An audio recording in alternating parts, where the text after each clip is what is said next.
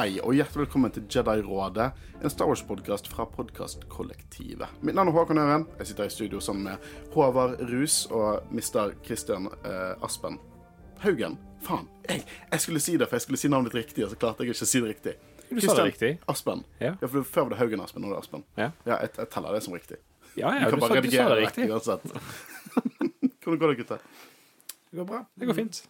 Nettopp sett noe av det beste, ikke bare fra Star Wars-animasjon, men egentlig det vi har fått fra Disney siden de tok over. Det er kjempebra. Og det er store ord. Det er nesten Det burde Jeg hadde ikke hatt noe imot om bare fått denne episoden i live action. I, eh, Bare 20 minutter lang. Flashback til denne her i Ja. uh, Asoka sesong to. Ja, ok, det. Jeg synes den er, Dette er kanskje min favorittepisode. Jo, dette er min favorittepisode av Rebels. Den første vi skal dekke, Trials of the Dark Saber. Er, den andre episoden, Legacy of Mandalore, er fortsatt også Den er god, bra. men den er liksom ikke helt der oppe som det, Eh, Trials of the Dark Saber er bare Det er en perfekt episode, i min mening.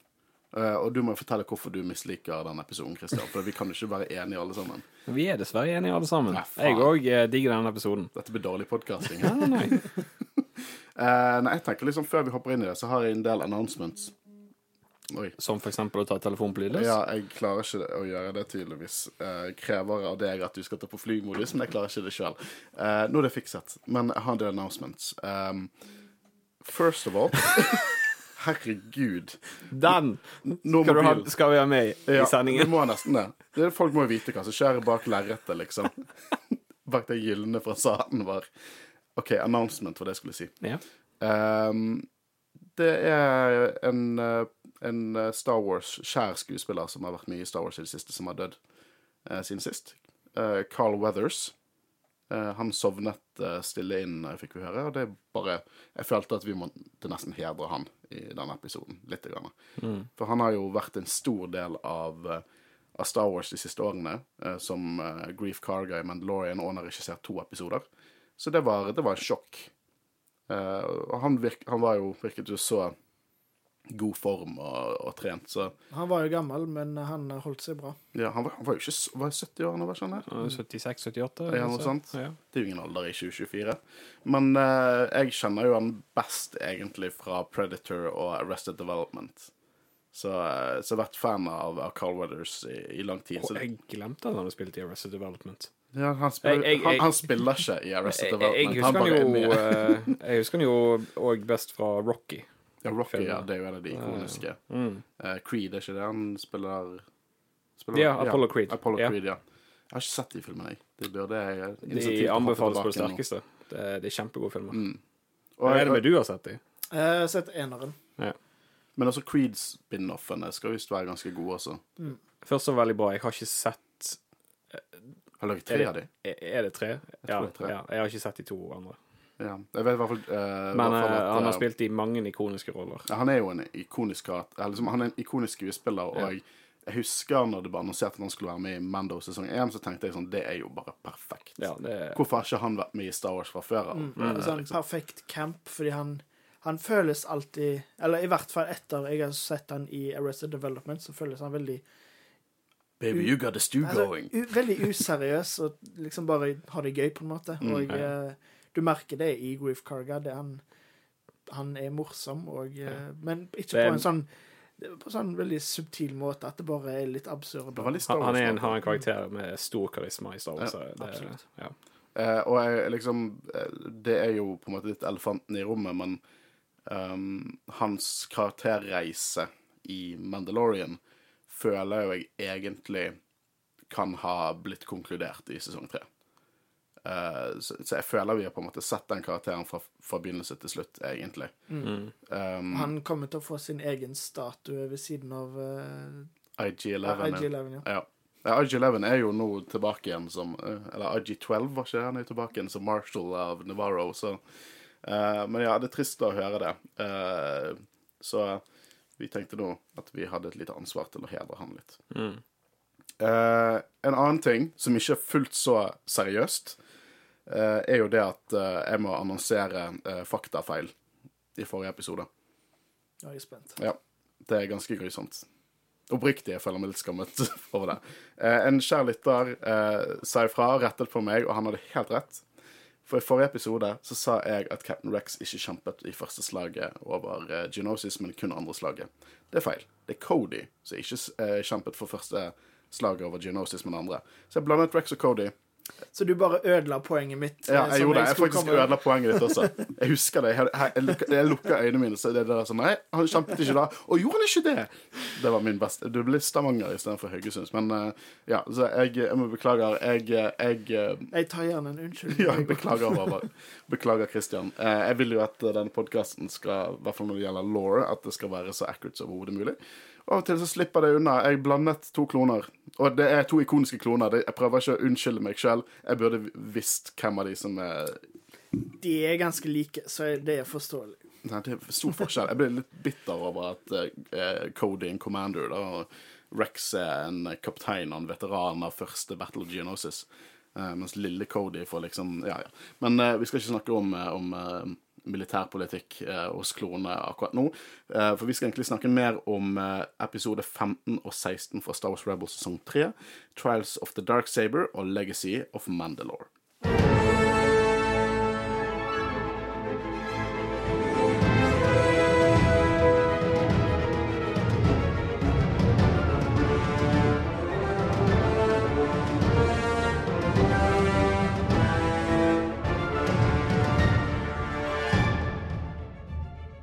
Så gutta, episode 15, Trials of the Dark Saber.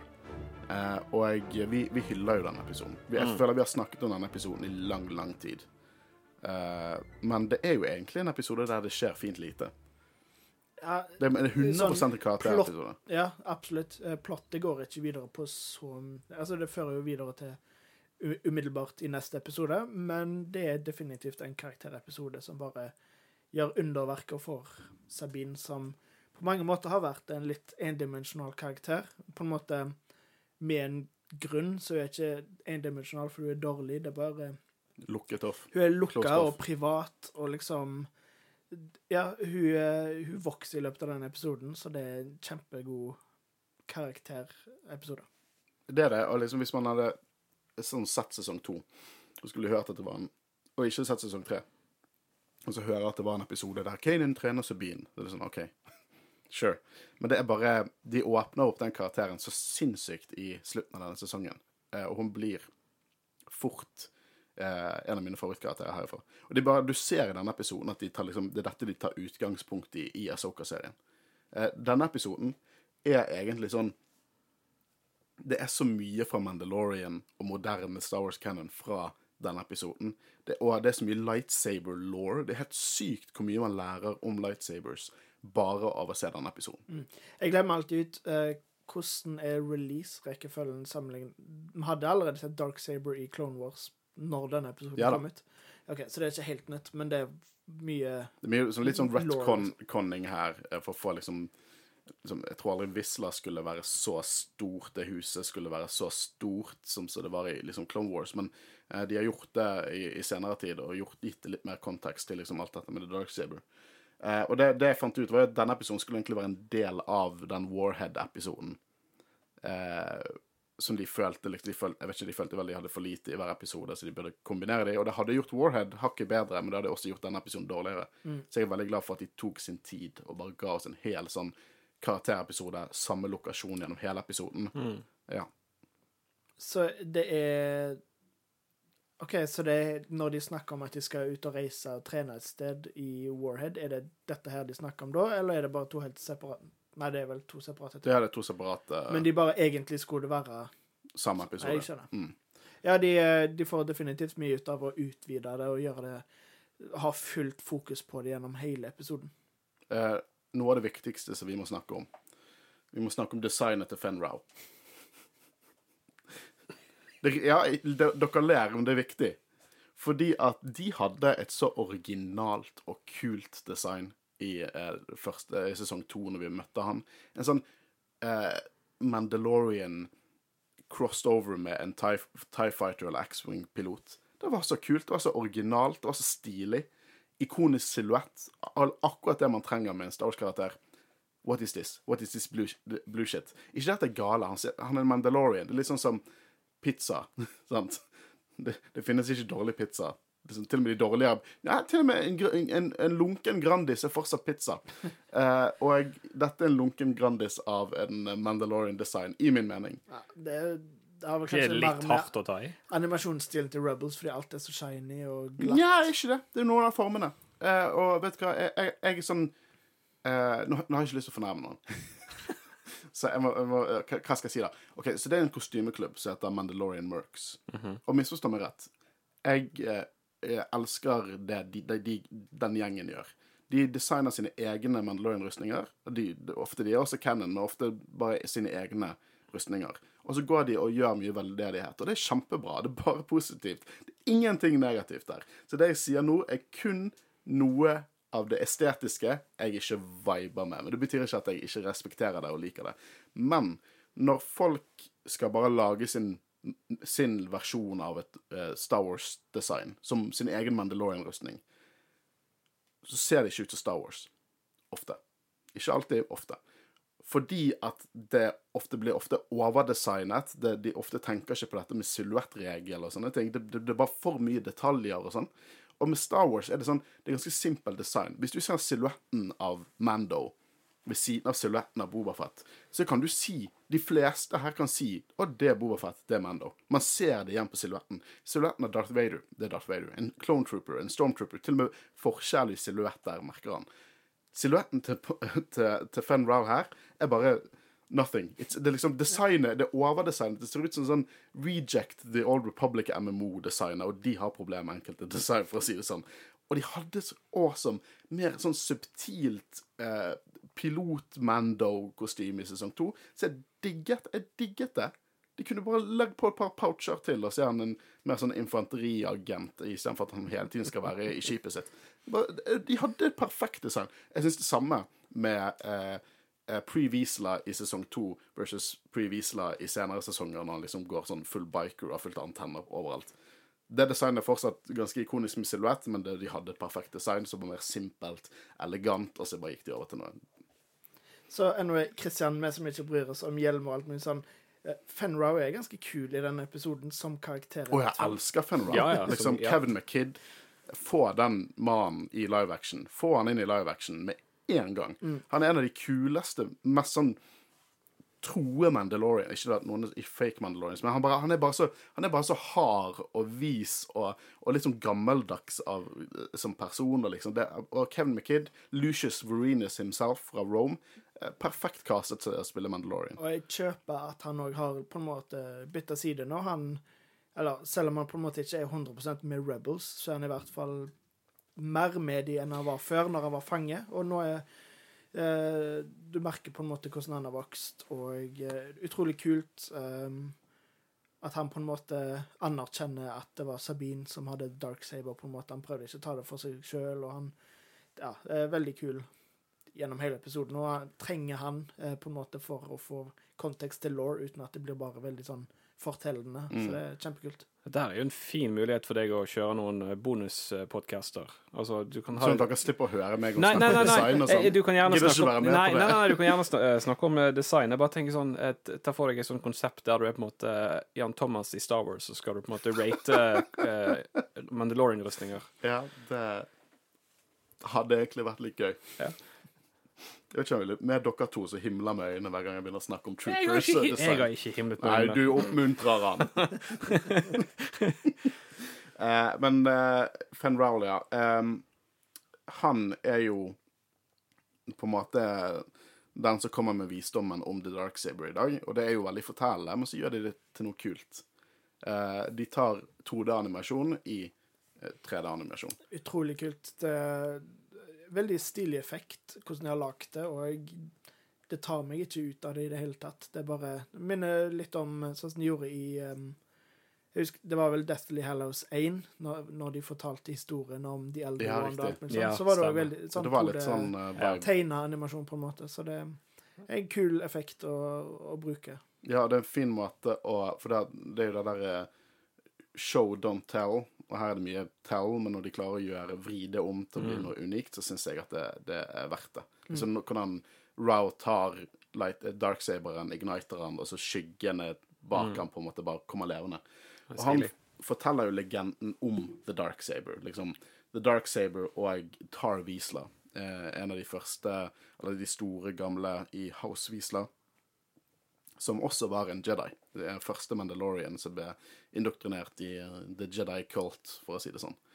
Eh, og eh, når, når han døde, så, så beholdt jo The, The Jedi Dark Saber en unikt våpen designet og laget av han.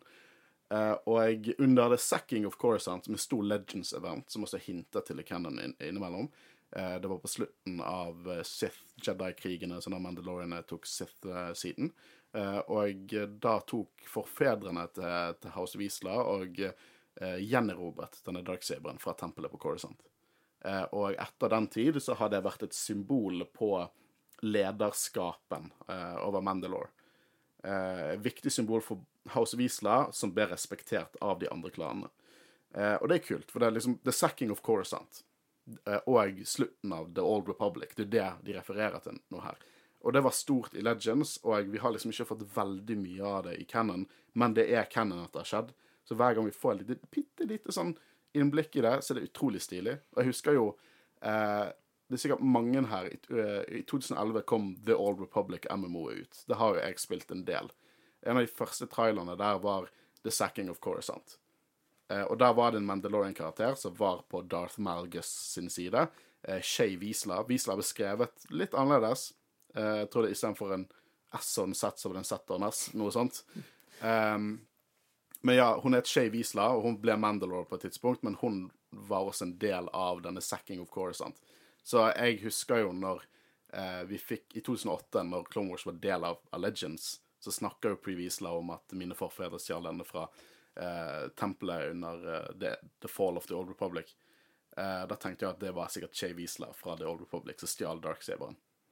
Uh, det, hun er jo ikke lenger canon, uh, og Darth Malgus er ikke lenger canon, men uh, det var, dette er i hvert fall hendelser som har vært inngrodd i Star Wars i lang tid før dette her ble etablert. Og de har jo gjort flere ganger at de tar Legends-ting og bare Ja, dette har skjedd. Og, Spesielt i, i Star Wars Rebels. Mm. Der er det veldig, veldig glad i å Hva er det Asoka sier? Det er alltid noe sannhet i legender. on the nose, men jeg digger det. Eh, men vi har, vi har, jeg har sikkert snakket om dette tusen ganger før, spesielt når vi dekket Mandalorian uh, i 2019-2020, på den tiden. Before the dark times, before the covid. Uh, og vi snakket litt om dette huset versus klaner. For det, liksom, dette, de episodene her de på en måte gir oss et nytt nivå. De tar av litt av den løken som er Mandalorian-kultur og historie. Fordi at de går inn på alt dette med hus og klaner, eh, som også var en del av Legends, og her tar liksom de det inn igjen i canon. Og jeg, eh, det er så kult, for det er så Game of Thrones-igjen, dette her.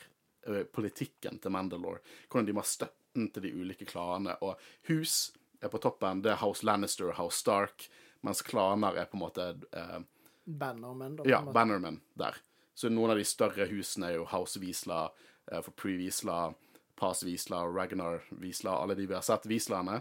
Eh, og så har vi House Crease, Bokhatan, eh, og House eh, Cast er en av de tre store husene. Eh, og så er det flere klaner som da har erklært lojalitet til disse husene. da. Vi snakker vel kanskje mer om det i neste episode, men Ren, er de et house, eller er de en Det er klan? en klan. Det er en klan, ok. Ja. Eh, en klan som originalt var under House Wisla, hvis jeg ikke tar helt feil. Men hun, Ursa Ren støttet jo også Bokhatan eh, under eh, Siege of Mandalore og tok hennes side eh, under Mandalorian-borgerkrigene under Clone Wars. Eh, men vi skal snakke mer om Ursa Wren og alt det, for der har du et kult design, for å si det sånn. eh, hvor var jeg da? Ja, eh, det, det på en måte handler jo på slutten her med at at Fenrow sier det at Sabine kan gjøre dette. Sabine kan lede Mandalore. Og så tenker jeg litt sånn You sure? Liksom Hvor all den respekten liksom hun har fått fra deg nå? Men han respekterer jo henne til de grader. Men jeg vet jo ikke helt om jeg er enig i alt dette. Det føles litt sånn jeg, jeg, jeg sier ikke at det, at det føles urealistisk ut. Det er bare Mandalorians virker bare så stae og prinsippfaste, liksom.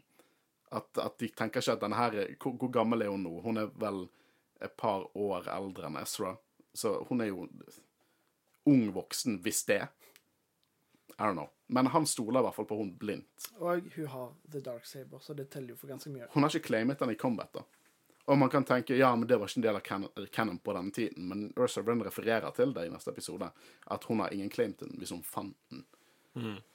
Det må være utrolig frustrerende da, hvis noen mister den. sant? Så må de bare prøve å finne eieren, og så må de banke opp eieren etter de har funnet eieren. Er det det, sånn det fungerer? Vi vet jo det fungerer jævlig bokstavelig, for det, du, du kom jo med den jævla Dumbledore-predictionen din i Mando sesong tre, som viste seg å være helt riktig. Som jeg ikke helt vet Jo, det, det, den var, var grei, men Det er en teknikalitet, og det, det teller. uh, her er også en fin scene når For vi merker liksom usikkerheten bak Sabine. Og jeg elsker liksom Mitt største problem med Rebels Jeg elsker Rebels, men de små problemene har er når det er et kidshow, og det får meg til å bare tenke at opprørerne suger. De gjør liksom ikke det de må gjøre. Men her er det det at når Hera og Kanan sier at vi må be deg om dette, om å liksom dra og, og prøve å samle husene Fordi at vi, vi, selvfølgelig er det ditt valg, men vi må be deg om å gjøre det. For hvis opprørerne har muligheten til å skaffe seg en hær av de mest hardbarka motherfuckerne i hele galaksen, og ikke tar den muligheten for å spare følelsene til en de er glad i, så er det sånn Empire fortjener å vinne. Og jeg elsker hvordan de håndterer det her. Det, det er perfekt utført. Det er ingenting i denne episoden jeg misliker.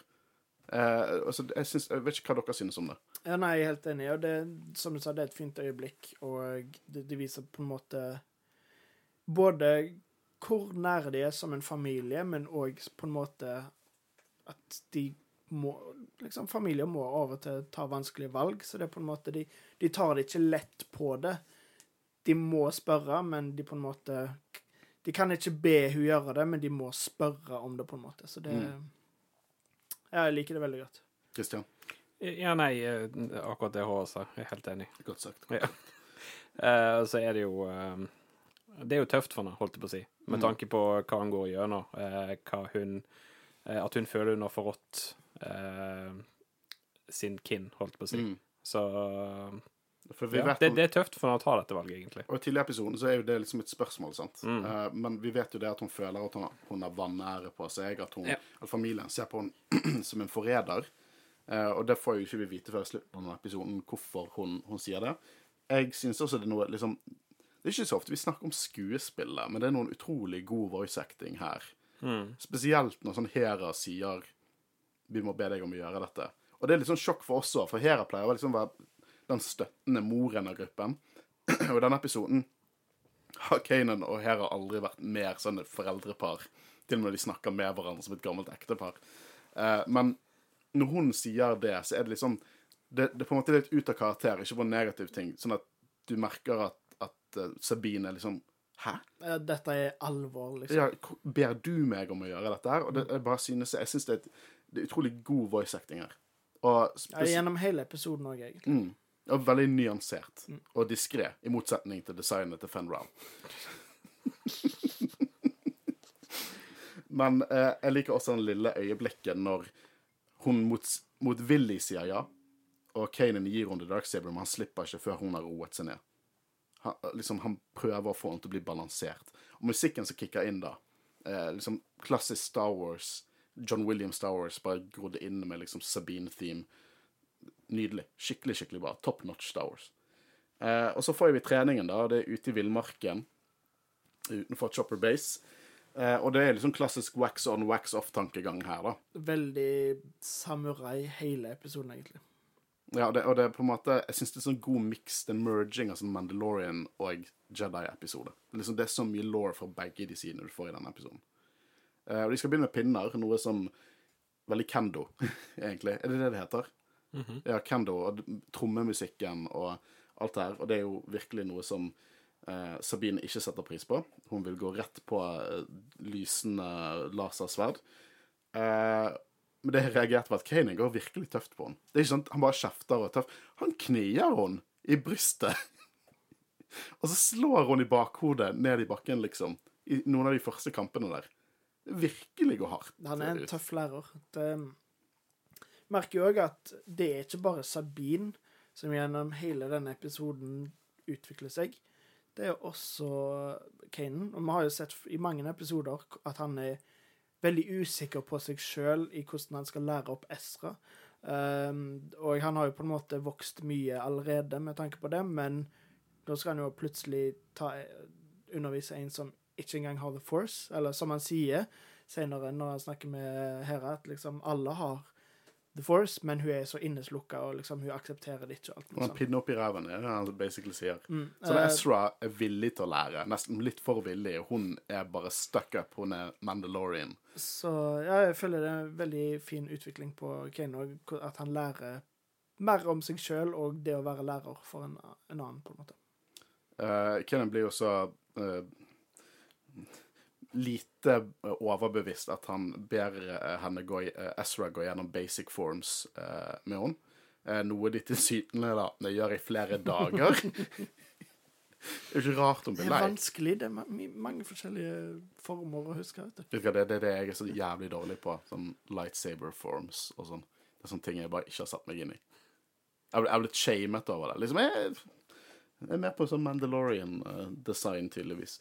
Ehm, nå er jo det et valg her de, liksom, som, som uh, serieskaperne gjorde. For de hadde planlagt å la Bendu være den personen som Kaden Råd førte seg med gjennom episoden, og så endret de det til Hera. Og det syns jeg er så godt riktig valg. Eh, der Hera på en måte For der får de virkelig en foreldrerolle, og Hera ser virkelig uh, Sabine og forstår dette med familie. Og de trekker inn hennes erfaring med eh, Sham Syndulla og alt dette her. Såre familieminner hun har. Hun, som, hun sier hun vet hva det vil si når din egen familie lar deg gå. Liksom ikke prøver å kjempe for deg. Og det er jo sånn Sabine føler det nå med sin egen familie. Og det syns jeg er fint. Det er liksom en klassisk sånn Star Wars-tematikk her. Eh, hvor er vi, da? Ja, Ezra kicker assen til Sabine med pinner. Uh, jeg liker hvor positiv Ezra er i denne episoden. Sånn, jeg syns du gjør en fantastisk jobb, og så slår hun han. Vil bare ha en å leke med. Det, jeg syns det er veldig kjekt. Du merker òg bare for å understreke det med karakterbygging, det er veldig mye med Ezra òg, at han på en måte Selvfølgelig sikkert fortsatt er litt sånn småforelska, men du merker òg det liksom søsterforholdet, at nå er de en familie. Så selvfølgelig vil han at hun skal gjøre det bra og alt mulig sånn, så det er veldig fint. Og jeg, hvor stolt han blir når han får lov til å trene hund. Du bare ser det på han at han liksom OK. um, Fen Rowell dukker jo opp etter uh, denne asswhoopingen med forsyninger. Uh, Ezra er en drittunge, mener at han skal slippe å rydde fordi at han vant. Um, men Fenn gir Sabine uh, Mandalorian liksom uh, armbeskyttere. Armbeskyttere som stopper langrenn eller noe sånt. Mandalorian Vambra Races, som de sier på, på engelsk. Uh, for å sette Ezra på plass. Elsker han. Jeg liker han, han bare sånn Pull him down a peg or two. Kjempekul karakter. Eh, men her går vi inn på dette her med Mandalorian-kultur igjen, og våpen. Em, for det Mandalorian våpen, rustning, eh, generelt våpen, alt dette her, er jo designet for å bare være en balansert krig mot The Jedi. Når de møtte på The Jedi, eh, så fant de ut eh, i Old Republic-æraen, eh, hvis ikke før det igjen, em, så fant de ut at de kunne ikke slå lightsabers og force powers med det de hadde, selv om de var utrolig flinke krigere. Så her kom det rustninger, her kom det våpen, her kom det jetpacks som type eh, stun darts og ropes og force fields og hele pakken, for å kunne slåss mot The Jedi på en, eh, på en balansert eh, måte. Eh, og det er jo også en av grunnene, blant annet for at de er badass motherfuckers, men også fordi at de klarte å gjøre dette her, at Jediene hadde en utfordring i Mandalorian Jedi-krigene, rett og slett.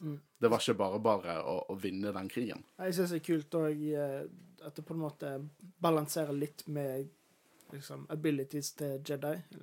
Det er mer mekanisk, selvfølgelig, men for, for eksempel det um, Sabine gjør med at hun har noe sånn Noe som tilsvarer en force, liksom, force push. Mm. Uh, så det Ja. Det er kult å se at du bruker det på forskjellige måter, men jeg syns òg Kenyon har et poeng, at du kan ikke bare stole på det og liksom bruke det. Du må bruke Du må kombinere, på en måte. Mm, må trene. Og det er jo det eh, som er sånn sjokkerende øyeblikk, da, for når hun går, når hun blir litt cocky etter å ha fått disse her, eh, så skyter hun en sånn herre eh, grappling-greie på Kanan, og han tar fram lightsameren sin, ikke pinner lenger nå, eh, og jeg setter henne på plass, og så sier han på en ganske kul måte Eller bare kult hvordan de snakker dialogen og alt dette her. History lesson.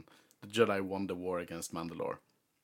Og altså, kameraet går over til Fun Rowell, som er litt sånn That's your opinion, man. Not wrong, you're just an asshole. Eh, så det ender jo med at hun stormer vekk, eh, og med newfound respect for Ezra så holder ut en så ræva læremester som Kanan. Så det er Hun går liksom gjennom eh, dette her eh, Heroes Journey på veldig mange måter i denne episoden. Som the, the call to action nekter for det, og så kommer tilbake igjen. Eh, kort fortalt, jeg har sikkert funnet bedre siteringer av Heroes Journey enn det. Um, etter å ha sparket uh, Bendu to ganger i ræven og snakket litt med Ezra, så kommer det fram litt sånn Vi får se litt bak fasaden. At det, hun en, føler hun er en vanære, en forræder. At ingen kan skjønne uh, helt hva dette innebærer for henne. Og hun er ikke redd for sverdet, hun er redd for alt som kommer med. De forventningene som er til hun hvis hun tar på seg denne rollen som leder for å lede egen, sin egen klan. Uh, for det er jo De ber jo om Kaino Kan ikke bare du være Mandalore, 17, eh, 19 år gamle jenten Eller 18, nei, 20 år gamle jenten. Kan ikke bare være Mandalore? Fargerik punkjente, så Ikke liksom eh, Boketan. Det er Boketan en Mandalore. Sabine elsker Sabine, men jeg vet ikke om hun er en Mandalore. Det som òg er litt interessant, er jo hvordan Sabine har vært så inneslutta og privat fram til nå, at de vet på en måte heller ikke hvor mye de faktisk ber om. Fordi de kan ikke De kjenner ikke til all historien med familien og alt mulig sånn, så det er jo en mye større oppgave enn det kanskje virker som, selv om det var Mandalore ikke en liten oppgave heller, det, da. Ja, nå for de som ikke vet, Mandalore er også navnet på lederen av Mandalore. Jeg vet det kan være litt forvirrende. Kristian, hva synes du om treningen? Hva synes du om Sabine? Har du Eh, fulgt henne? Har du fulgt henne? Jeg hadde fulgt nå. Ja. Jeg hadde gjort det. Men Jeg eh, eh, holdt på å si, det er jo òg en god ting at hun føler sjøl at hun ikke kan ta på seg denne rollen. Mm. For det, det òg på en måte kan gjøre henne mer klar til å innta denne rollen enn det en 100% selvsikker Sabine kunne gjort. De beste lederne er de som ikke vil lede. Akkurat John Snow. Um, I don't want it. uh, så, så jeg syns jo det er en god ting, da. Eh, ja. Jeg skulle legge til noe mer, men uh, du må bare gi meg litt tid. Nei, men de kjenner deg nå, de vet hva du tenker. Ja, selvfølgelig. De kan lese tankene mine. Uh, det er en, etter denne samtalen, da, uh, der Ezra på en måte hjelper henne å sette ting litt i perspektiv. Han, han vet jo hvordan han føler det med tanke på familien, men han har jo ikke familien sin lenger. Hun har en mulighet til å på en måte reconnecte der. Det har ikke Ezra. Så han setter det perspektivet i gang, og jeg, hun prøver på nytt igjen. Eh, og imens har jo Hera også Hun kritiserer Kanan, da. Mener at Kanan holder han tilba nei, hun tilbake. Eh, og at eh, han driver jo og sier at dette er farlig fordi hun er så ubalansert. Eh, og hun kan bli skadet. Men Hera mener jo dette at familien har skadet hun mer enn noe sverd kunne. Og du, ved å ikke gi henne sverdet, så committer hun aldri. Så Og at det ikke handler om Kanan som mester. Det er ikke hans reise nå. Når Sabine og han må også let go. Så det er det han, uh, han velger å gjøre, da. Jeg liker også når de, når, I den scenen hun kommer tilbake så sitter Fen Rau og Ezra og, og på en måte drikker, og det ser ut som de drikker alkohol. Det ser ut som til og med som Ezra heller oppi fra en stor sånn lommelerke. Så jeg liker å tro at det er noe sånn Mandalorian-alkohol. det er mye ikonisk eh, Mandalorian-brygg eh, i dypere canon og legends. Så jeg ser for meg at han er bare sånn Gir denne Hvor gammel er han nå? Han er vel Han er sikkert Dette er to år før uh, A New Hope, og da vil han være 17. Kanskje begynner å bli 18 snart. Så ja, jeg jeg ser for meg at han drikker sånn hardbarka sånn 40% 60 med Fun Roll. Jeg, lå ikke så mye merke til detaljene om hva de satt og drakk på, eller hva de fylte opp i glasset sitt med, men uh, Man drikker ikke vann sånn som man drikker på den måten. De heller det i seg, liksom. Hva heter den frukten? Det kan godt være hva, um, Joe, Ma- Mailuran juice. Mailuron juice. Det er sikkert det. Spike, Det, det høres jo det høres jo ut, fra Mandalore. det høres jo ut som en drink òg, egentlig, så det kan jo være alkohol i det. Ja, Java Juice er jo også vet da yeah. faen hva som er oppi der, men uh, Og så kommer hun tilbake igjen da og på en måte unnskylder til Kanan. Han unnskylder tilbake igjen, og så får hun The Dark Saber. Eh, og det første hun sier, at den er tung. Og det vet jo vi. Dette er jo igjen- igjen law som har blitt etablert. Eh, og han gir oss en liten eh, liten historietime, eller han forklarer oss hvordan lightsabers fungerer. Og før jeg går inn på det, så har jeg lyst til å snakke om Wikipedia. For Wikipedia er en fantastisk eh, nettside. At der folk kan gå inn, og vi kan legge til Cannon. Det er en fin måte å, å på en måte få samlet alt på ett sted. Men akkurat som Wikipedia, så er det liksom ikke nødvendigvis helt korrekt. Det er mye ting der man må sjekke kildene hvis det skal være helt korrekt. For Wikipedia det sånn, Dette her er sånn et problem som Star Wars-fans generelt har, inkludert meg. Eh, for Star Wars er en sånn Canon betyr jævlig mye. Canon er viktig. sant? Det skal ikke være plot holes, det skal ikke være contradictions.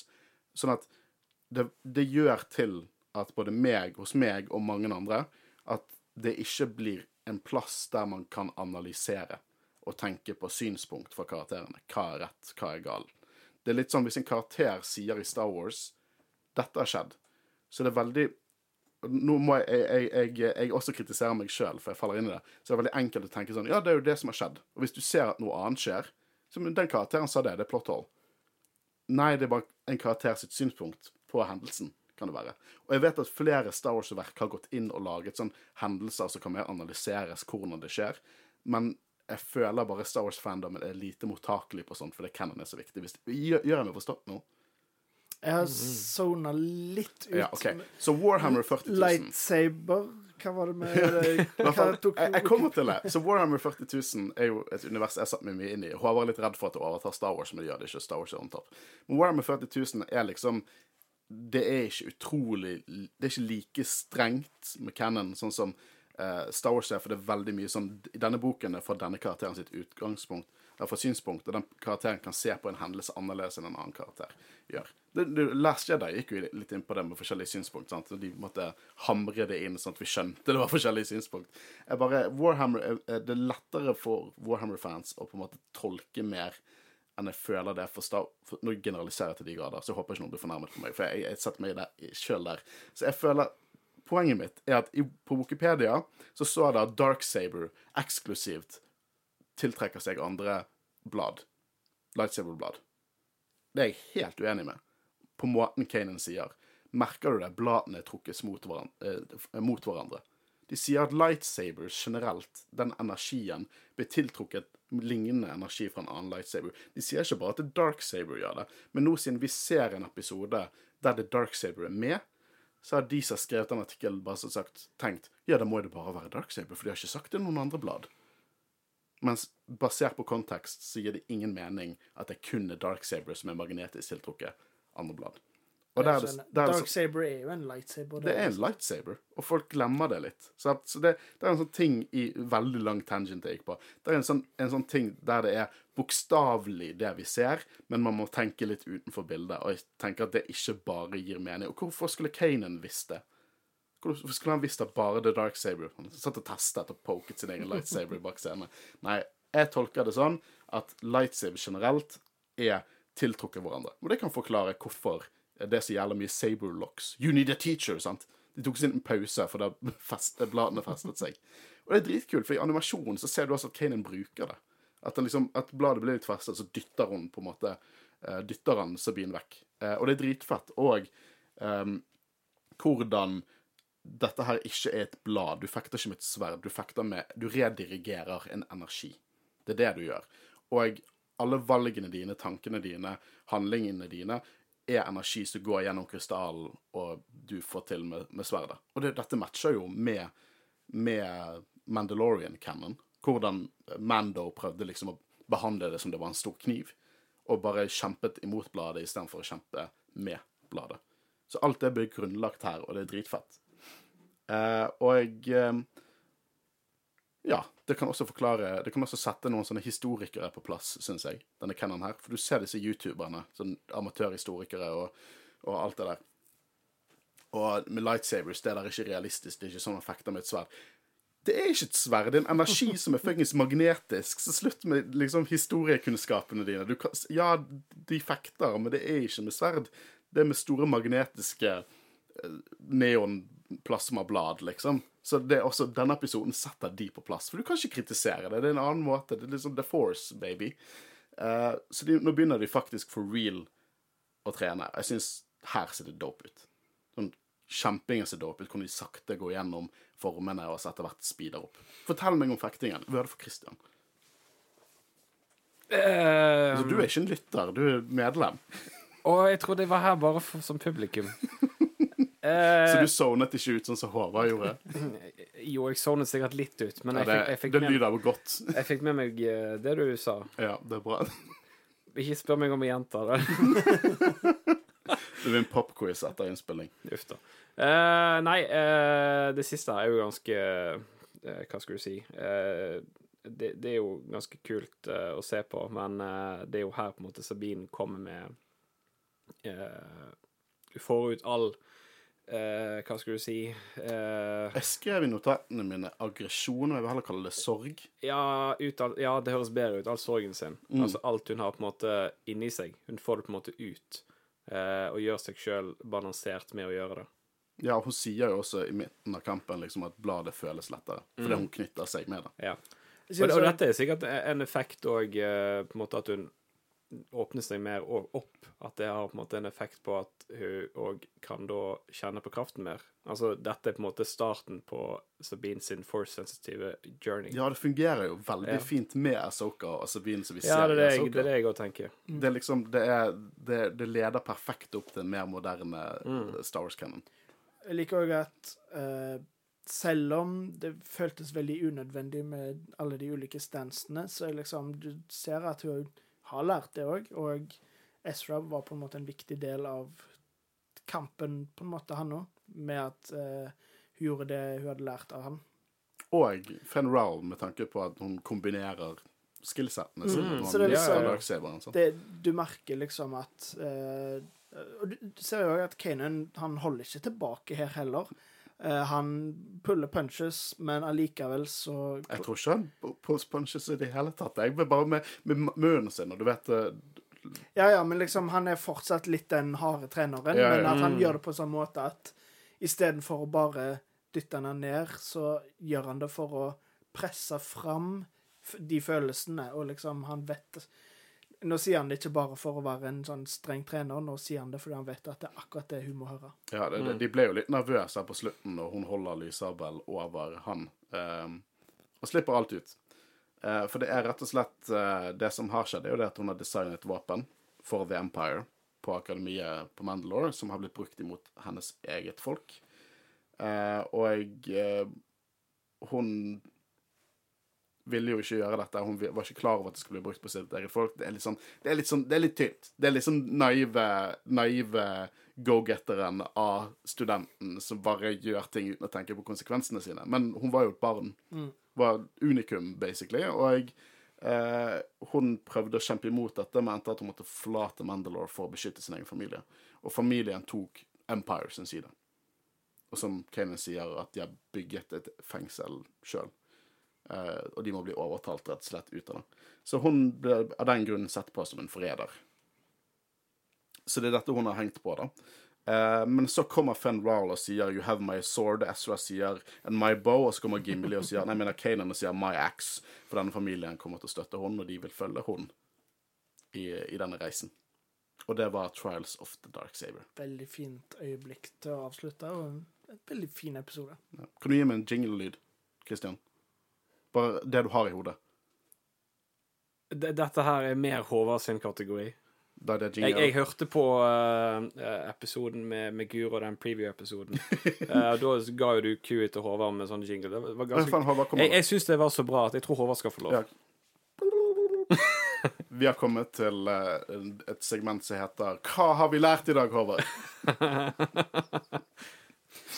Vi, vi, vi har lært at det, er, det er bra å Altså, det, det er ikke godt å holde ting inni deg, så du på en måte eh, tenker Altså, sorg og aggresjon altså, det, det, er godt å få ting ut. Det er godt å snakke om ting.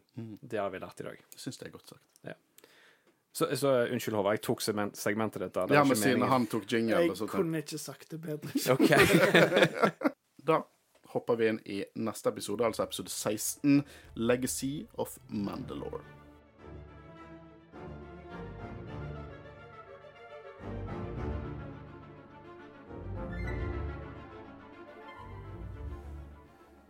Christian, Ja. hva er sosiale medier? Sosiale medier, Got you now, hæ? sosiale medier er steder du kan følge oss på og stille oss eh, masse spørsmål, og eh, ja, det er Facebook, Twitter, Insta... Nei, unnskyld, vi er vel ikke så aktive på Twitter, men Facebook, X heter det nå. Ja, X, unnskyld. X og TikTok har Men blitt litt opp. eh, eh, Facebook og Instagram er vi veldig aktive på. Mm. Eh, der må dere gjerne følge oss. Gi oss gjerne en rating i Spotify og på Apple Podcast. iTunes. Apple iTunes, ja, Apple iTunes. Eller Apple Podcast. Ja. Ja, Jeg syns det, det Ja, ja, altså, ja, jeg vet ikke om du vil ha en dyp definisjon av hva sosiale medier Ja, jeg vil ville ha en ordbok, norskes leksikon, liksom, uh, definisjon. Uh, men det går fint. Det kan vi ta neste gang. Vi kan ha en bonuspod om sosiale medier. Nå skal jeg stoppe meg sjøl. Vi skal snakke om Legacy of Mandalore, episode 16 fra Rebel sesong 3. Hva syns du om denne? Som Det er en fin uh, liten påfølger til forrige episode. Jeg vet ikke om jeg kaller den liten. Jeg syns det er ganske huge Ja, jeg, ja, ja, eh, mens den forrige var bare karakterutvikling, er dette nesten bare plott. Mm. Det er selvfølgelig karakterutvikling òg, men det er, en, Det er en knallbra episode. det er en bra episode. Den lever ikke opp til det vi nettopp har sett, men definitivt det- det er en god episode. Nei, men han bygger videre på det liksom. vi har sett, og det er det, som er så- det er det er gøy. på en måte, det er derfor vi dekker kun de i dag.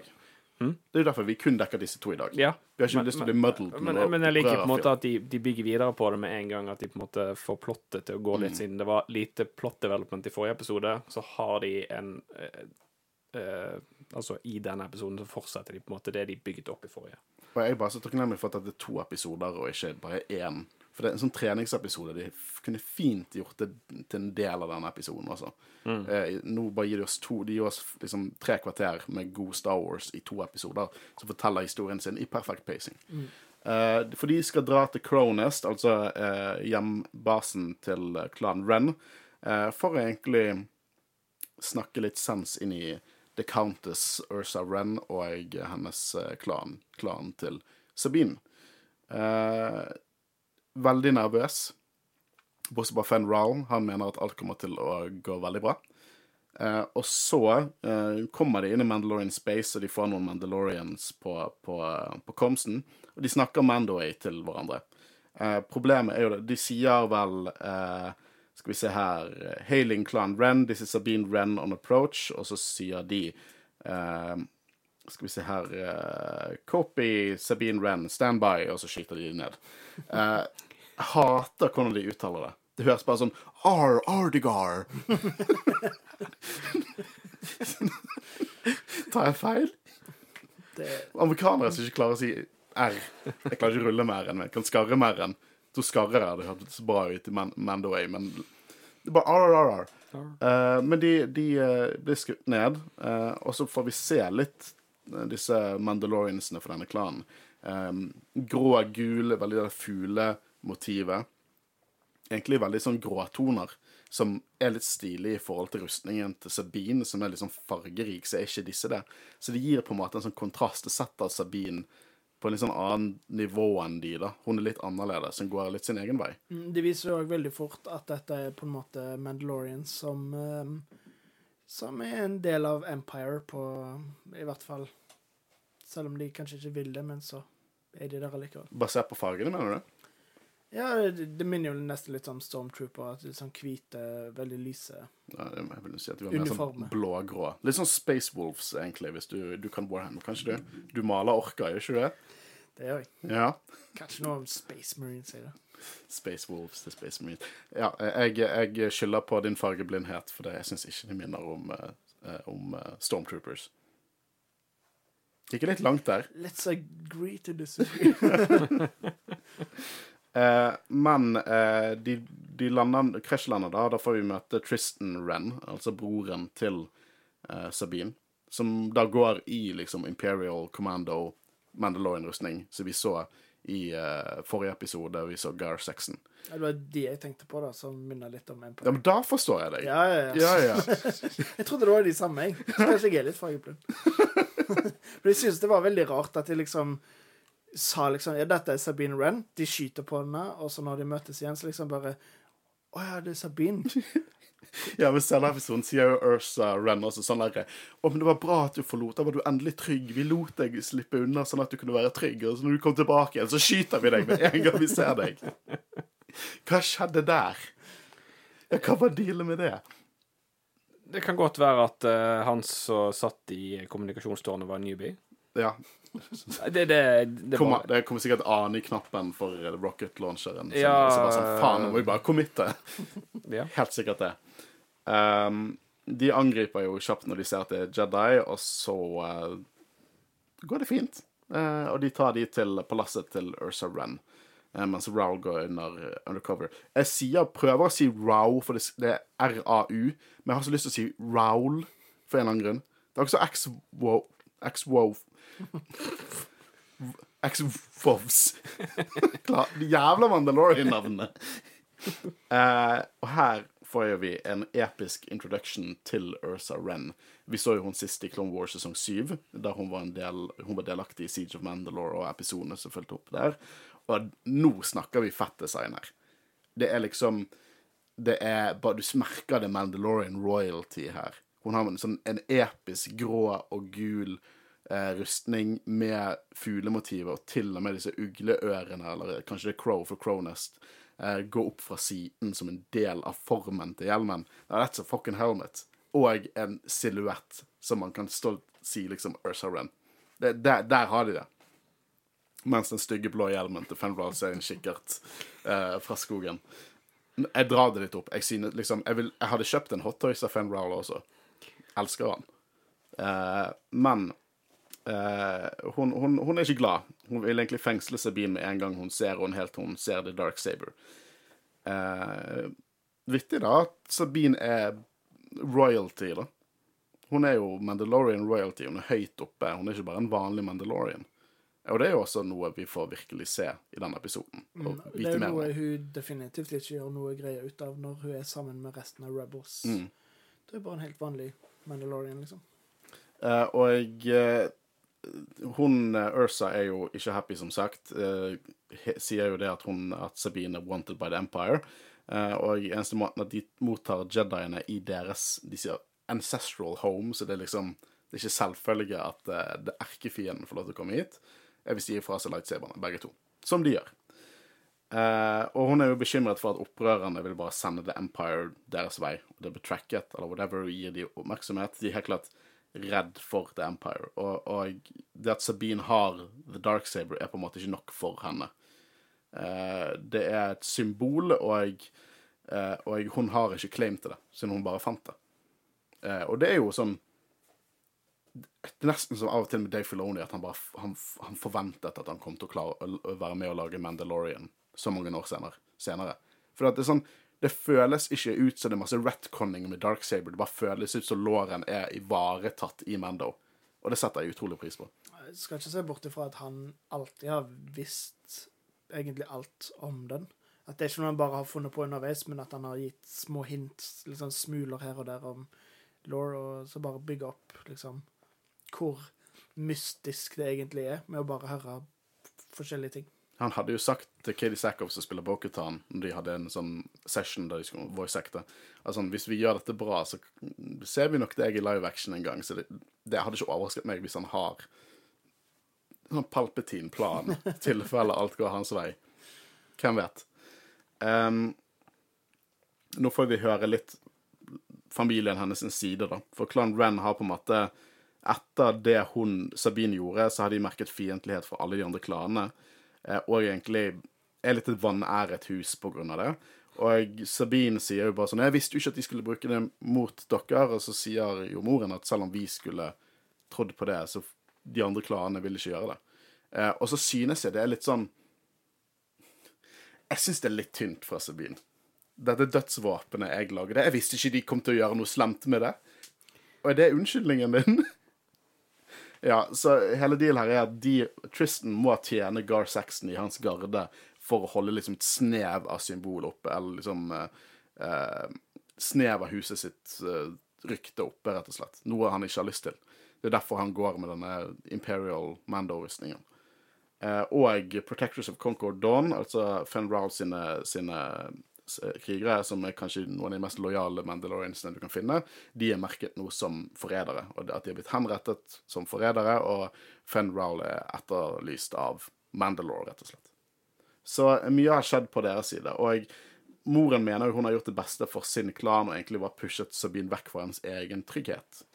Um, men det, denne episoden er jo litt Det som er kult med denne episoden, som er på en måte mye av tematikken til Mando-serien, er det der hva vil det si å være Mandalorian og liksom kultur og tradisjon versus de du bryr deg om, rett og slett.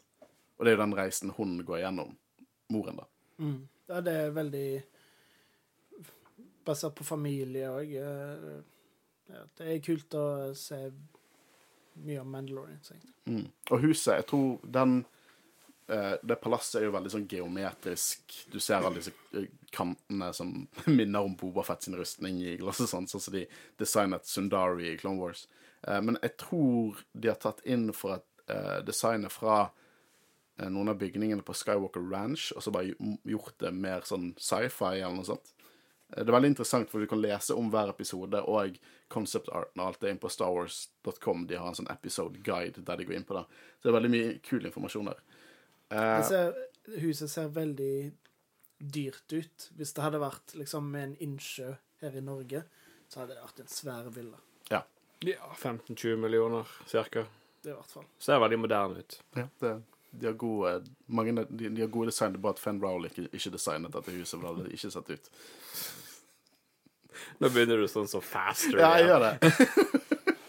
jeg skal roe meg ned. Uh, men eh, de holder visst også faren til, eh, til Sabine eh, som gissel eh, på Mandalore. Sikkert på Sundari, hoved... eh, hoved eh, var, jeg holdt på å si The Capital, men det er jo en norsk podkast vi er. Eh, så de kommer jo til å knerte på han eh, hvis eh, klanen går imot Empire. Og spoiler alert eh, Faren til Sabine er ikke en kriger. Han er bare en kunstner. Gled dere til vi dekker Det er vel de første episodene av sesong fire. Mm. Mye bra Mandalorian-action der òg. Veldig mye bra der. Og da kommer vi til å møte eh, faren også. Uh, og nå sier jo Sabine at opprørerne planlegger noe stort som kan vise svakheten til The Empire, og at hun trenger bare at hun stoler på henne sånn som hun velger å gjøre med sin mor, og gir henne The Dark Saber. Uh, vi får jo også litt innblikk i Tristan da når de har en sånn sparring session. Det at han føler en del bitterhet mot dette. Ikke nødvendigvis blamer hun, men basert på det hun gjorde, handlingene hennes, så har huset falt helt sammen. Eh, vanære, de har ingen status lenger, og klanene har vendt i ryggen, for å si det sånn. Vet du om han er eldrebror eller yngrebror? For jeg får veldig inntrykk av at han kan være yngre enn Sabine, og på en måte ikke helt forstår hvorfor hun gjorde det hun gjorde. At han på en måte alltid så opp mot henne, og så plutselig så bare gjorde hun noe helt annet, og så er han blitt litt hjernevaska av The Empire og sånn. Jeg tror han er yngre bror. Rimelig sikker på det. jeg får litt inntrykk av det, jeg også. Det virker veldig sånn storesøsteren som forrædet familien. Mm. Uh, men moren selger ut uh, Jediene for å holde datteren trygg, da, så da får vi uh, gjenblikk med Gar Saxon, spilt av the late great Ray Stevenson. Og det er alltid kjekt å, å se han Å høre han igjen. Eh, han spilte bra som Bill Skull, han spilte bra som Gar Saxon. Eh, og de blir jo solgt ut. Eh, han lover at klanen skal bli ivaretatt, men Jediene må han ta. Og så kommer Finn Rowell inn og boper en Mandalorian i T-viseren sånn at han faller om. De klarer aldri å overbevise meg at de klarer å slå ut folk i rustning. Han bare boper han, liksom. Ja, akkurat det har jeg aldri helt likt, fordi Spesielt etter Mandalorian, der vi har lært mye om liksom Beskar og liksom Å, det kan liksom kan bli truffet av liksom blasters med det. Det, det tåler laser og sånn, men nei, det er en liten bare sånn Boop, hjelmen, så besvimer du. Ja, for det, det er jo noe sånn det, eh, at Beskar klarer Når de herder Beskar, at de, de klarer å liksom stå imot uh, lightsabers, er veldig tro til Legends. Eh, og det gir veldig mening med tanke på at Mandalorians på en måte har designet mye av denne krigerutstyret sitt og står imot Jedi, at de har rustning som er saber resistant. Eh, men Josh Lucas han var veldig på at ingenting kan stå imot en lightsaber. Ingenting. Han godkjente verk som Nights of the Old Republic, der de bruker vibroblades mot lightsabers og sånne ting. Men ingenting kan stå imot en lightsaber. Så Beskar har gått Når, det, når Clone Wars var del av Legends, så var det liksom i, i, i gammel canon at liksom lightsabers eh, går ikke gjennom Beskar, og så plutselig kommer Clone Wars der de gjør det. Og det var jo mye av, av kritikken Josh Lucas og Clone Wars fikk. Bare sånn, Hvorfor bare endrer du på canon på den måten? Hans syn, Lord Lucas' syn på canon var, er jo ikke det som vi nerder er. Han ville jo egentlig bare la alle få lov til å leke i sandkassen sin, så han drev litt om detaljene ikke matchet. Mm. Uh, men akkurat det uh, at de har gått tilbake til at Beskar står imot lightsabers, det digger jeg. Men òg, vi kan jo Altså, for eksempel Vi har sett flere ganger der de bruker lightsabers til å liksom smelte uh, metall, vegger, liksom sånn som i Phantom Menace, der de har liksom Når de skal komme seg gjennom helt i begynnelsen, så ser du at det bare stikker inn, og at det liksom smelter. Det tar jo tid. Det kan godt hende at Beskar også er sånn at hvis du hadde tatt en lightsaber og liksom holdt inne, så hadde det gått gjennom. Men når det bare slår, så er det liksom såpass kort at da At det ville gått gjennom til slutt, men det tåler et par liksom sånn Sånn som du slår mikrofonen, litt. Ja. Ja. Uh, men vi ser jo det i Mando, at, at, at Beskar begynner å gløde når lightsaber lenge på det. Så det, jeg tror sikkert det er en del av det. Alt trenger ikke være så liksom svart og hvitt. Det kan være gråsoner, vet du. At ting fungerer Litt sånn som i Warhammer. ja, jeg synes det, det, det er et lykkeligere liv hvis man tenker litt sånn. Uh, jeg skal prøve å du sa say, I say, not as I do. Det er det. det som er så gøy med sånne gråsoner òg, er at måte, det skaper litt diskusjon og debatt. Og det er litt gøy på en måte å Det har ikke vært gøy å høre på oss hvis vi bare gjenfortalte plottet, liksom. Nei, altså, det er litt artig å Istedenfor får vi med bare en sånn 15 minutter lang rant om Fenrow. Nei, men det, det, det, er gøy å kunne diskutere det. Ja. Forskjellige meninger. Og når det gjelder forskjellige meninger, så har jo Kanan og Ursa Ren to helt forskjellige meninger, så de møter hun den broen. Så hvis jeg hadde vært en bedre podkaster, så hadde jeg ikke kommentert min egen bro, men det gjorde jeg. Her er vi. Føler du ødelegger det litt med å forklare broen? ja. Men uh, de snakker jo litt om, om, uh, om Sabine, da. Og jeg, Ezra hopper inn og sier liksom at, at Gar Saxon er er en som forrædet The Protectors of Concord Dawn, og Sabine de, de, de kjempet mot ham på Concord Dawn. Eh, noe som får, gir hun litt panikk, tror jeg, fordi at eh, da har jo Gar Sexton allerede en fiendtlighet mot Sabine. Han har det personlig. Så eh, hun setter de i lås og slår med en gang. Uh, og idet Gar Saxon kommer gående inn og får tak i The Dark Saber. Uh, men Gar Saxon han er ikke en goding, for han drar teppet ut av Clan Ren som et eksempel for å skjule opprørere. Så huset der skal, nei, klanen der skal bli ødelagt. Og da skjønner jeg ikke helt hva som er planen hans. For han går inn der med et halvt dusin hvite Mandalorians mot en hel klan. Så liksom uansett hvordan, hvordan, Han snakker liksom sånn i garanti at disse Mandaloriansene som har eh, lojale til Ursa Ren, plutselig bare skal legge ned våpenet og sånn Oh well. Ja, det var, det var, litt tynt. Han burde tatt med seg flere folk. Men han er nok så uh, blitt en så stor del av Empire at Altså, hva er det Empire er kjent for? De uh, overvurderer sine egne yeah.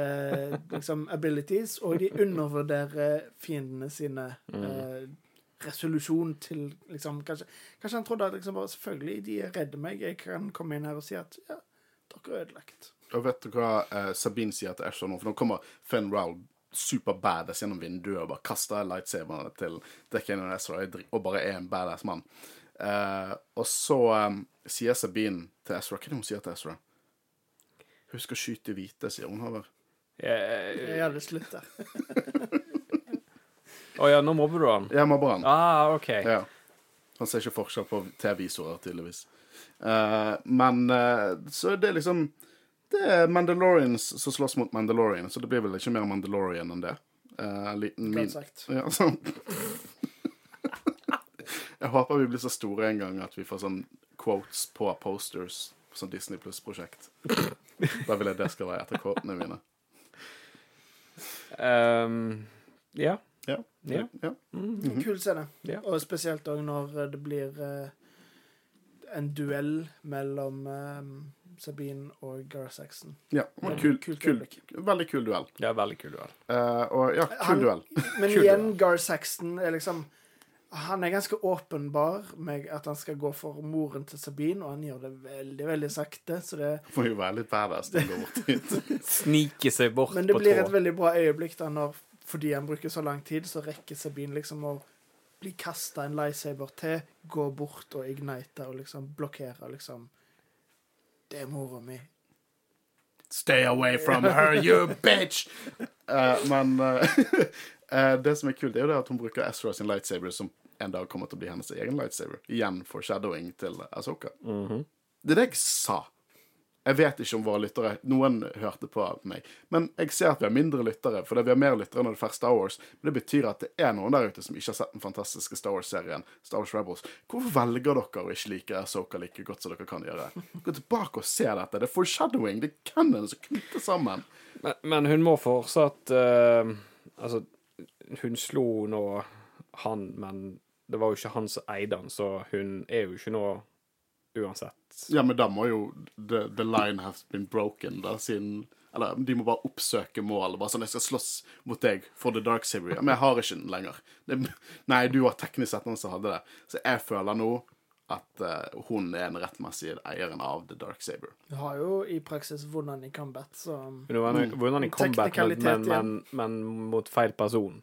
Så det blir en technicality. Ja. Ja, men uh, Moff Gideon vant jo ikke sin i combat heller. Nei, det er sant. Da han fikk den, eh, og Mando blir den rettmessige eieren. Så jeg tenker dette it, stands in Mando court, tenker jeg. Ja. Um, uh, men uh, hun velger å ikke drepe ham.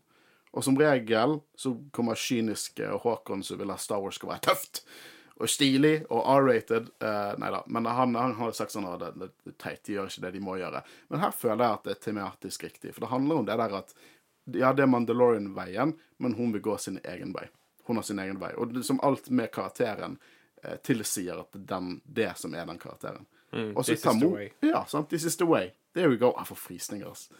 Eh, og så tar moren, som allerede har sagt at ingen kan blande seg ved dette til Mandalorian tro og kultur og lover. Og så har Kanan sagt er det viktigere for deg enn livet til din datter. Og hun kommer inn, og så sier hun 'Stay away from her, you bitch', og skyter Gar Saxon. Men her kommer jeg med enda en teknikalitet. Fordi Sabine hadde liksom sagt eh, Som sa akkurat det, men liksom basically yield. Hun hadde vunnet kampen, og så var han uærlig etterpå og prøvde å skyte i in the back. Da føler jeg at mora kan involvere seg der, altså. Å nei. Å nei. Hvorfor er jeg alarm på klokken 18?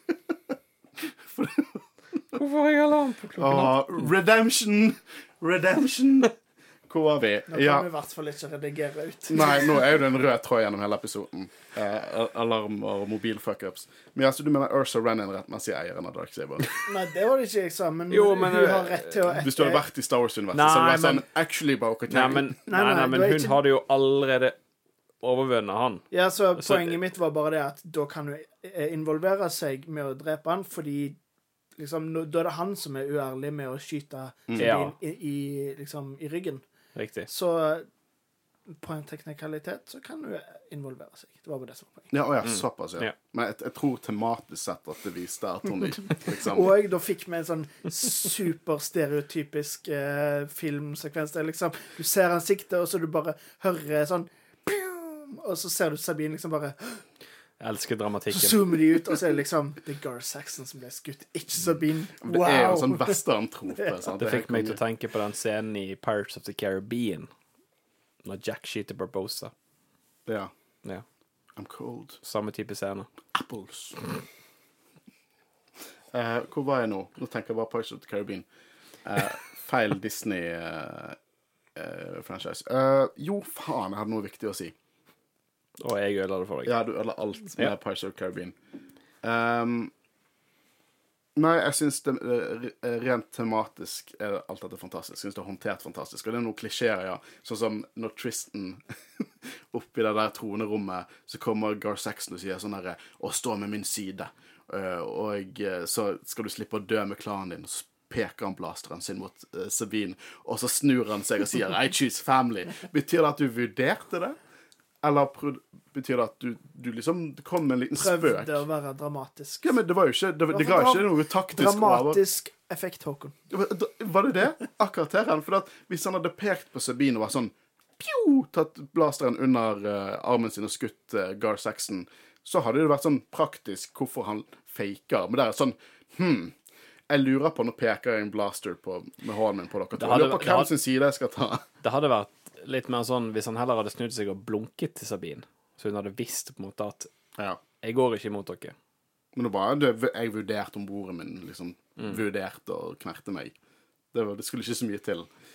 Uh, men det ender jo med at, at, uh, at det faktisk er noen konsekvenser her. Ikke at det ikke er konsekvenser i Rebels, men jeg bare syns det er modig å ta fra oss en av hovedpersonene i så lang tid.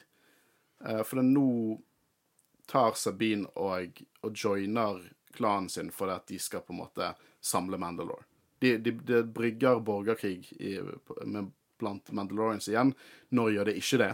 Eh, men hun mener at de må på egen hånd klare å, å igjen liksom få Mandalorians opp av støvet, for så å kunne hjelpe opprørerne eh, senere. Som er litt trist når vi vet alt dette med The Purge og hva som skjer med Mandalore. Men det er fint øyeblikk, og spesielt den klemmen hun gir Kanan der.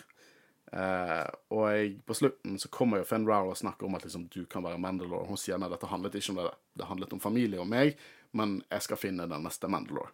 Så vi se hvordan det går med hun når hun mottar sverdet og ikke har claima det.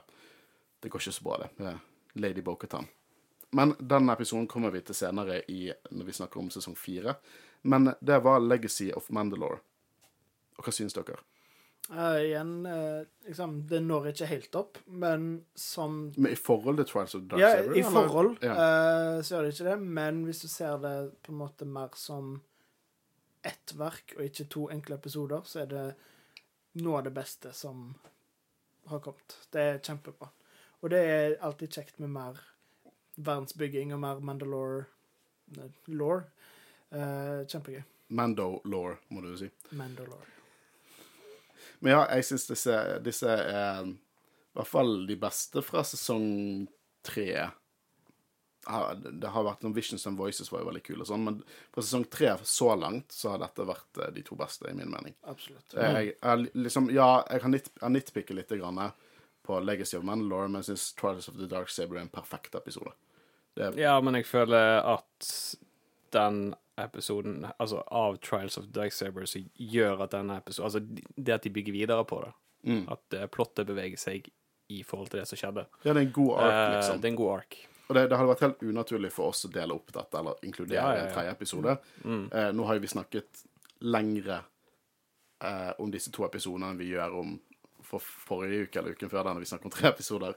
Eh, det kan hende det er min feil. Jeg vet ikke om dere vet dette om meg, men jeg er veldig glad i Mandalorians. Det er liksom kind of my jam. Så eh, jeg husker når dette, kom, disse kom ut. Jeg var så hypet. På traileren jeg bare sånn Shit, det er en TV-visor! Uh, nei, disse episodene digger det, digger det, digger det. Du får så mye innsyn i Mandalorian law, eh, om lightsaber law, og hele dette aspektet med, med klaner og hus og Mandalorian-kultur. Det, det er bare tøft. Det er bare så jævlig kult. Eh, og det er bare Mandalorian-kultur er liksom mest grounded i hele Star Wars-universet. Bare den reisen, den evolusjonen av innbyggerne av Mandalore, og hvordan de har det. Fra Clone Wars til nå Galactic Civil War-tid, til Old Republic, til, til post Return of the Jedi. Det er bare fascinerende, og i min mening noe av det beste med hele sagaen. Helt enig. Digger det. Helt enig. Eh, men vi, eh, vi eh, beveger oss snart mot slutten av, eh, av eh, Rebel sesong tre. Eh, jeg vet det er noen store hendelser i de tre neste episodene vi skal dekke, blant annet noe som kommer til å ringvirkninger på eh, det Andor bygger opp til. Eh, serien Andor, altså. Og så har vi selvfølgelig avslutningene, de tre siste episodene, det er virkelig noen snadderepisoder. Twin Sons og Zero Hour. Mye kult i møte. Og så blir jo The Bad Batch om et par korte uker, egentlig. Så det er mer content fra Jedi-rådet. Eh, jeg eh, vil bare gi en liten plugg, eh, fordi at um, eh, jeg er i ferd med å, å, å planlegge en ny podkast med yours truly. Får jeg lov til det? Får jeg lov til å, å, reklamere for en annen podkast? Hvis du vil reklamere før dere i det hele tatt har spilt inn noe, så Ja da, men det, det, jeg, jeg tør å, å gjøre det. Så eh, jeg og min gode kompis Magnus Røtnes eh, vi har tenkt å lage en Warhammer 40 000-podkast. Eh, så jeg liker å tro at det er noen Warhammer 40 000-fans blant våre lyttere, for jeg føler Star Wars Warhammer 40 000, de fandommene, liksom, jeg føler de kan gå hånd i hånd. Så jeg, eh, det kommer en ny podkast. Eh, ta det helt med ro. Fokuset mitt er Jedi-rådet, så der skal jeg være sidekick og ikke host. Det hadde jeg ikke taklet, tror jeg. Det hadde blitt for mye law. Og, og det blir en podkast der eh, det er meg og Magnus sin reise liksom, gjennom fandomen. Så det blir ikke bare en Det blir, det blir sikkert det blir en del law også, men det blir også litt sånn metating som hobbyen og, og bokanalyser og litt sånn forskjellig.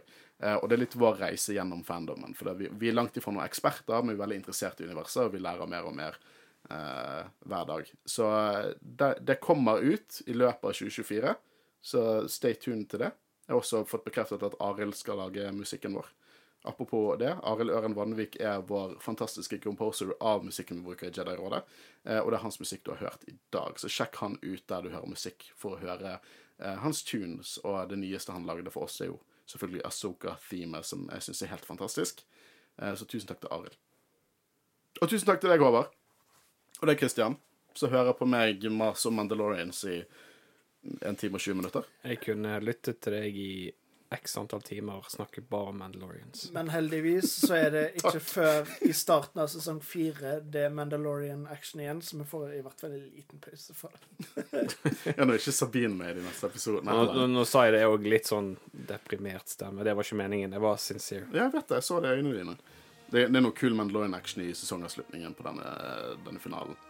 Denne sesongavslutningen på denne finalen og denne sesongen. eh, så det er mer fra oss da. Eh, jeg tenker nå bare takk til dere. Takk til meg av og til. Takk til lytterne våre. Og så snakkes vi neste uke. Ha det godt. Ha det godt.